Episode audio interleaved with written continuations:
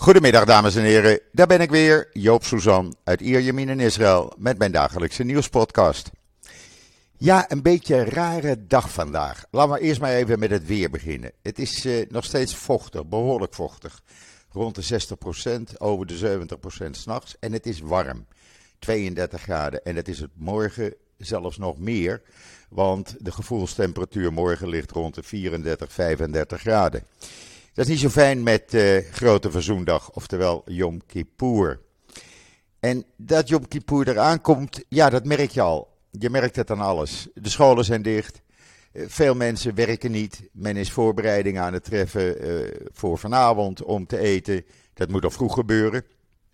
Want Yom Kippur begint net voor zessen. en het eten voor morgenavond klaar te maken, het aanbijten.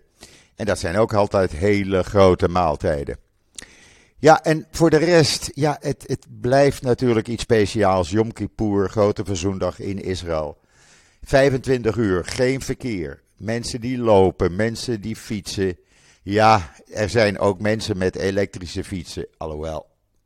Nou ja, eh, iedereen doet eh, waar hij zin in heeft. Veel mensen slapen de hele dag. Eh, veel mensen gaan naar de synagoge. Uh, een aantal uh, de hele dag.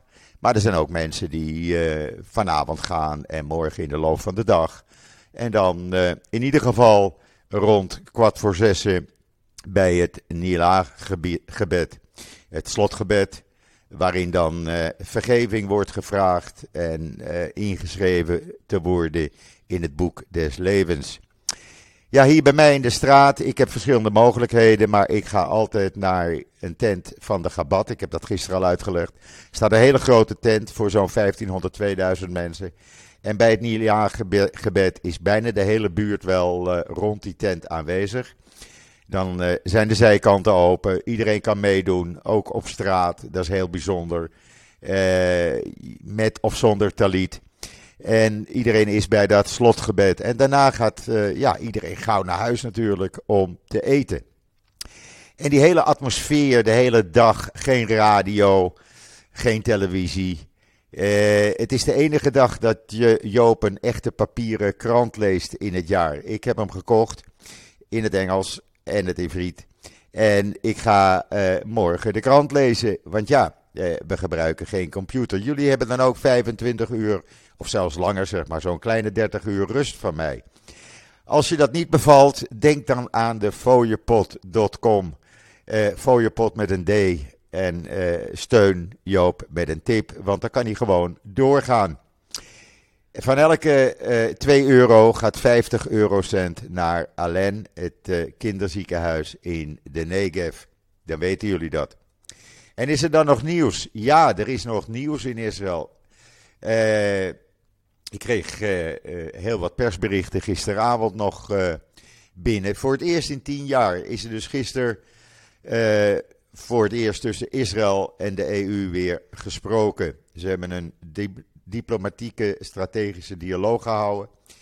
Ik heb het hele verhaal, wat er besproken is, wat Lapid heeft gezegd, de punten die van belang zijn, een video van Lapid in het Engels. Uh, alles staat op uh, eh, israelnieuws.nl.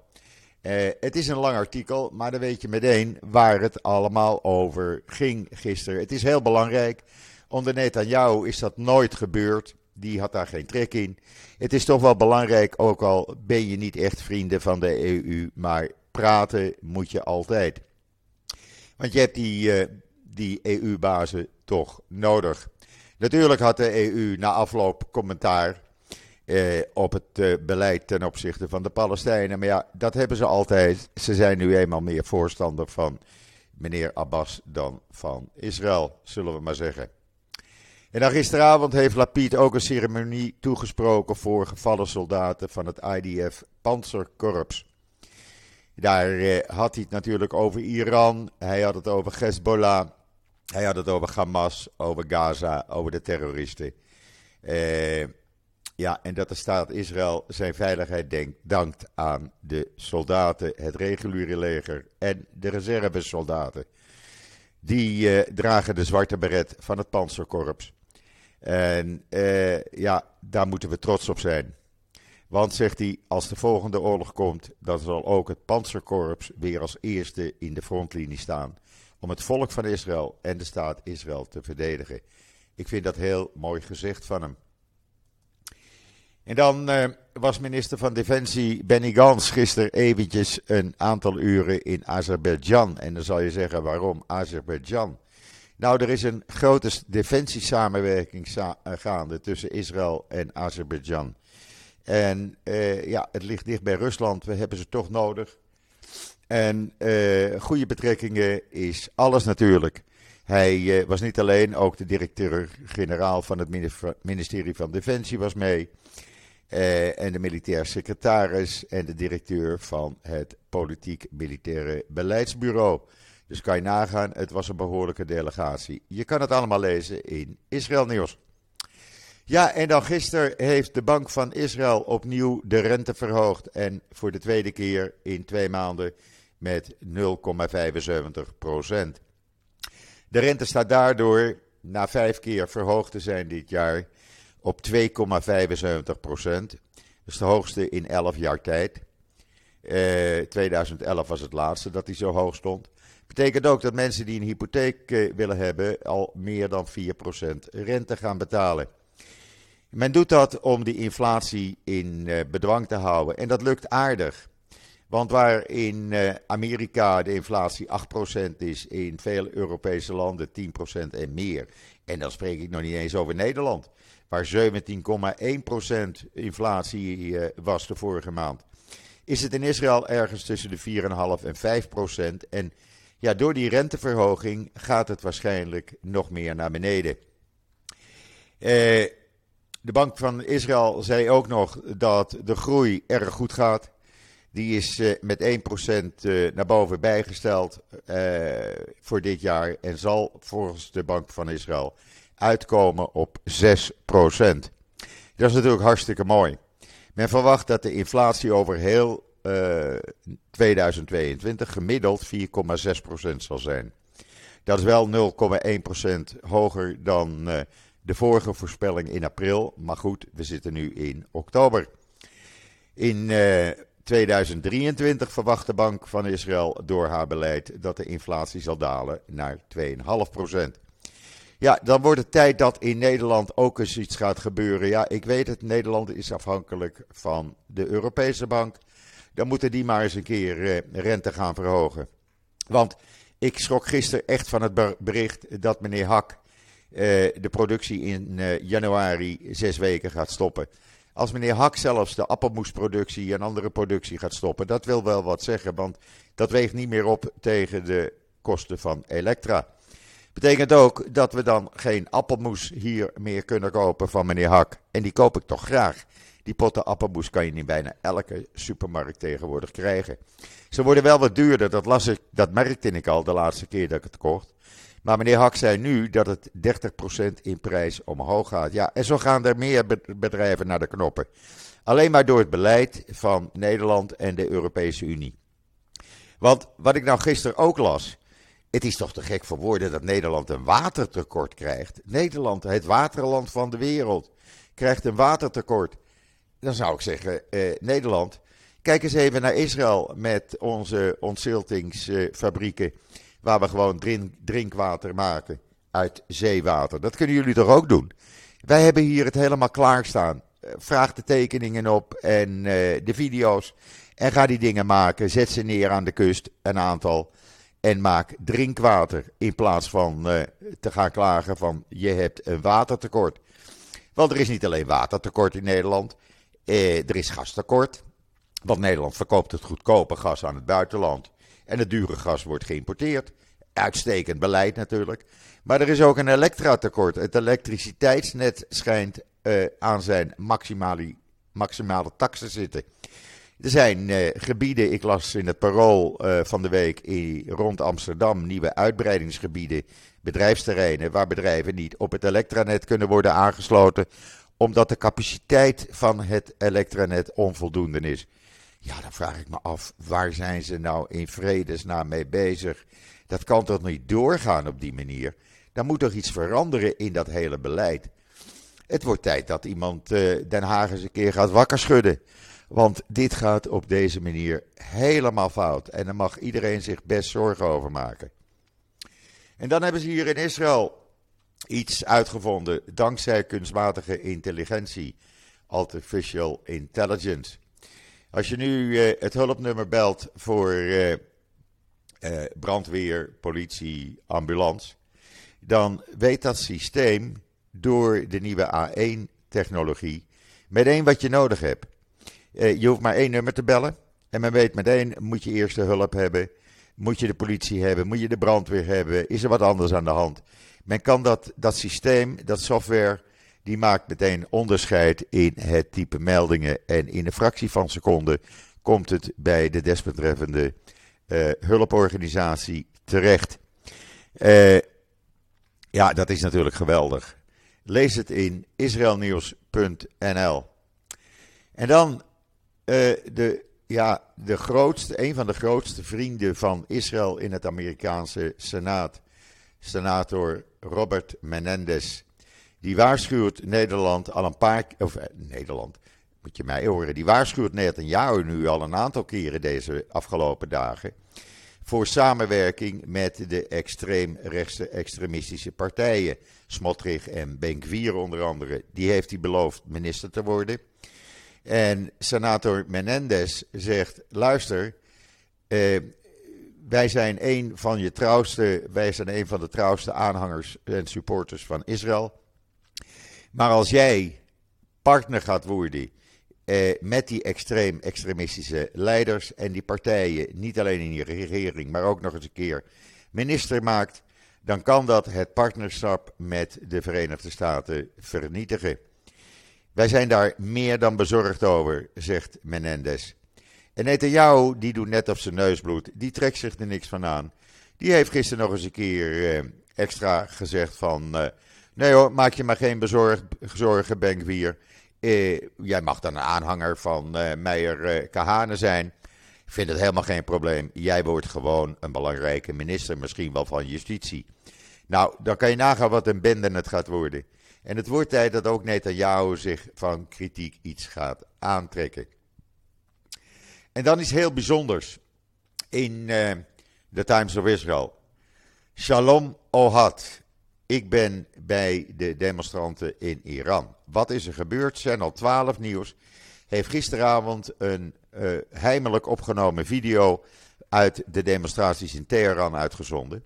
Die hebben ze met een uh, verborgen camera, heeft een van de demonstranten die gemaakt voor het uh, Israëlische televisiekanaal en daar konden we ja, eigenlijk zien hoe die demonstranten gebeuren, wat die politieagenten allemaal doen, hoe ze mensen in elkaar slaan. Hoe steeds meer mensen zich tegen de Ayatollahs keren. Uh, je kan het zien, lezen op Times of Israel. En wil je die video zien? Ik heb het op een Twitter gezet, op een tweet gezet in het Twitter-kanaal van mij. En anders moet je even gaan naar Channel 12 Nieuws. En daar staat die video pontificaal op de website. Het gaat alleen om de beelden. Uh, ik vind het nogal wat. Ik, uh, ja, ik zat met open mond gisteravond te kijken, dat kan ik je wel zeggen. En dan nu we het toch over televisie hebben. Ik zei het al, er is geen televisie. Uh, en geen radio. de Israëlische kanalen liggen er gewoon uit. Die gaan op zwart. 26, 27 uur. En ja, er zijn nog wel een aantal uh, andere kanalen zoals Netflix en Disney Channel en Amazon Prime en Apple TV. Ja, maar die zenden dan wel uit, maar niet met Hebreeuwse vertaling. Zoals uh, bijvoorbeeld National Geographic en Discovery gaan doen. Die wordt gedurende de Yom Kippur er niet bijgezet. Voor de rest zijn er nog meer beperkingen. Nou, er zijn er niet veel mensen die uh, echt op die televisie zitten te wachten, want het is toch een speciale dag. En wil je weten welke nou wel en niet werken? Nou, dan moet je even kijken in de Jeruzalem Post. En terwijl Israël dichtgaat, gaat het leger in hoogste staat van paraatheid. Want leger en politie zijn op volle sterkte. De westelijke Jordaanoever en de doorgangen naar en van Gaza worden gewoon stilgelegd. Er is geen openbaar vervoer. De wegen, ja, daar kan je lekker op fietsen op alle snelwegen. Dat doen ook veel mensen, want het is natuurlijk prachtig. En voor de rest is politie en leger op volle sterkte aanwezig, omdat men bang is voor uh, uh, aanslagen. Boven de gebruikelijke uh, aantallen bataljons zijn er vanaf gisteren 26 militaire bataljons ter versterking in Israël en langs op de Westbank aanwezig.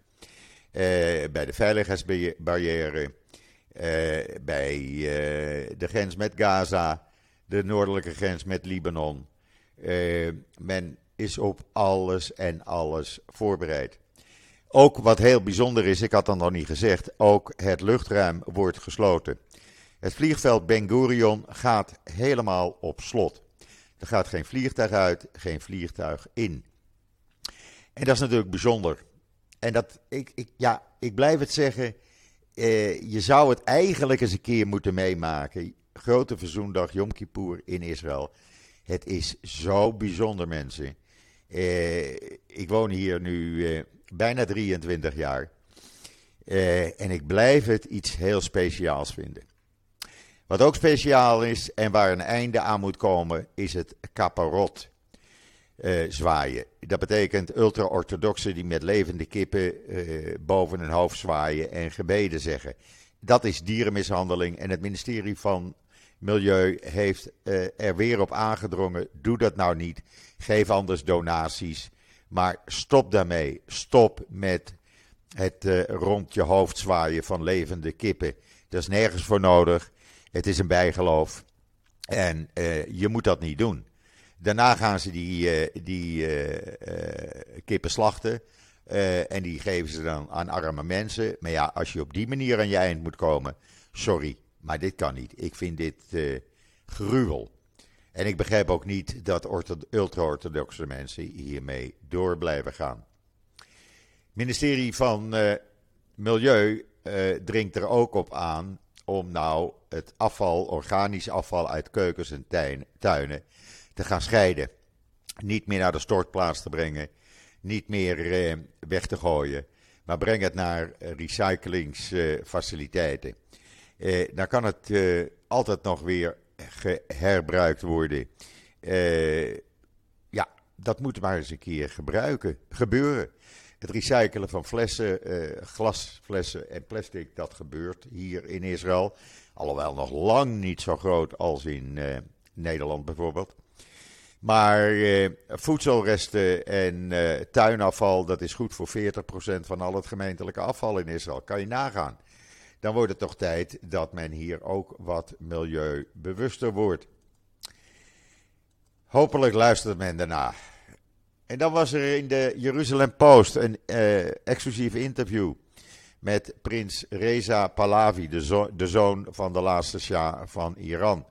En die zegt: zodra wij uh, de Ayatollahs eruit hebben geschopt en wij uh, weer een normale democratie zijn, dan hoef ik niet eens koning te zijn of Shah of wat dan ook, dan zoekt Iran economische en culturele banden met Israël zoals het vroeger ook was. Heel mooi interview, interview, lees het even in de Jeruzalem Post.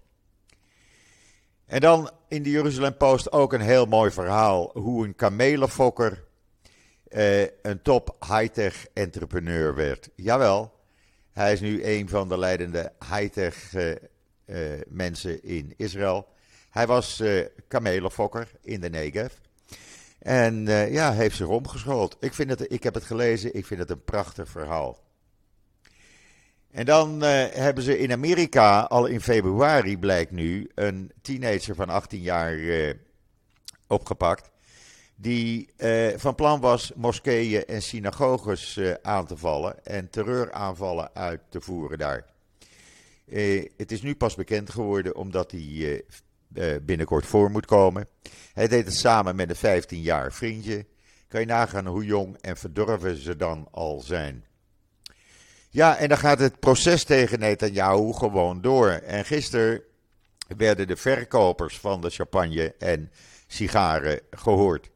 En die bevestigde wat de secretaresse van een van Netanyahu's vrienden had uh, gezegd. Jawel, wij kregen die uh, opdrachten om sigaren en wijnen naar de vrienden van Netanyahu te leveren.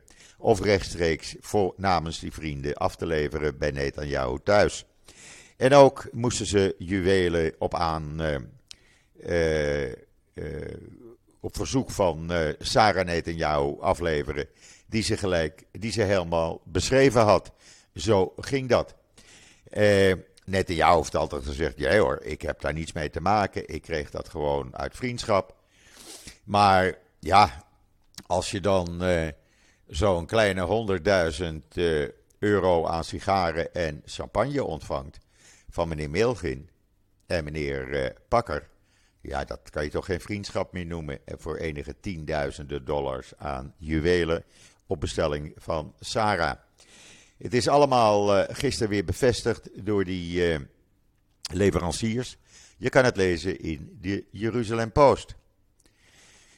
En dan was er een real estate magnaat in Israël die dacht: Weet je wat, ik word 48 jaar, ik ga een leuk feestje maken. Die heeft een van de duurste resorts in Cyprus afgehuurd. En die is daar met al zijn bekende celebrity en modelvrienden en vriendinnen naartoe gegaan. Uh, je kan de video op Ynet Engels lezen of uh, zien en de foto's. Het werd me een heel groot feest en het was nog lang gezellig. En dan uh, hebben de Palestijnen, de Palestijnse premier, hij noemt zich premier, meneer uh, Staye, die heeft Engeland gewaarschuwd: haal het niet in je hoofd om een ambassade naar, naar Jeruzalem te verplaatsen. Dat is onze hoofdstad en dan zijn wij gelijk in vijandschap met jullie. Ik weet niet of Engeland daar van wakker ligt. Maar hij heeft het toch maar gezegd, de, de premier van een niet bestaand land. Ja, nou gisteren is een van de belangrijkste maffiahoofden in Israël op klaarlichte dag doodgeschoten bij een benzinestation uh, net buiten Tel Aviv. En uh, ja, die kwam uh, op 42-jarige leeftijd daar aan zijn eind. ze hebben er inmiddels vier opgepakt. Eentje op het vliegveld, die wou het land uit.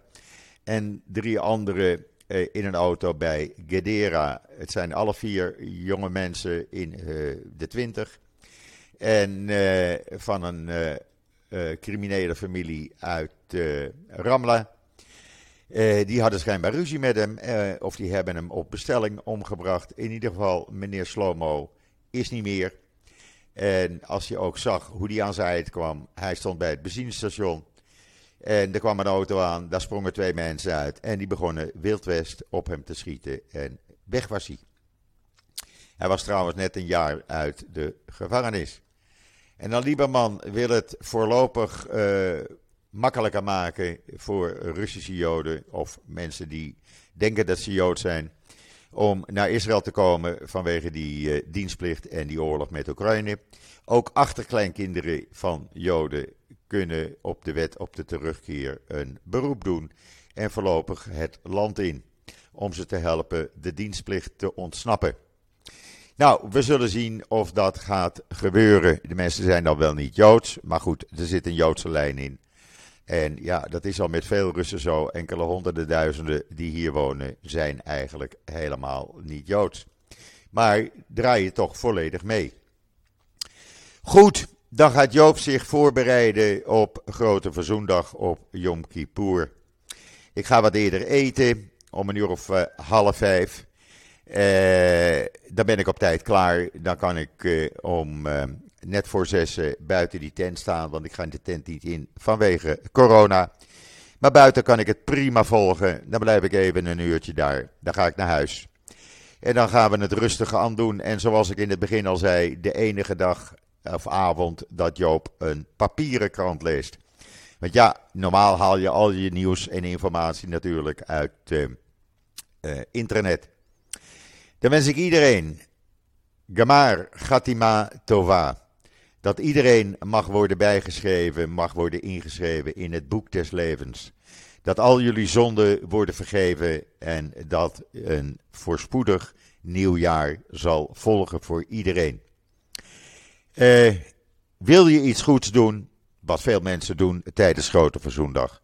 Fooienpot met een d.com, de Joop Soezans podcast. En uh, dan steun je mij daarmee. Nogmaals, nog veel jaren. Ik ben er donderdag weer met Esther, Esther Voet van het NIW. En zeg zoals gebruikelijk, tot ziens, tot donderdag.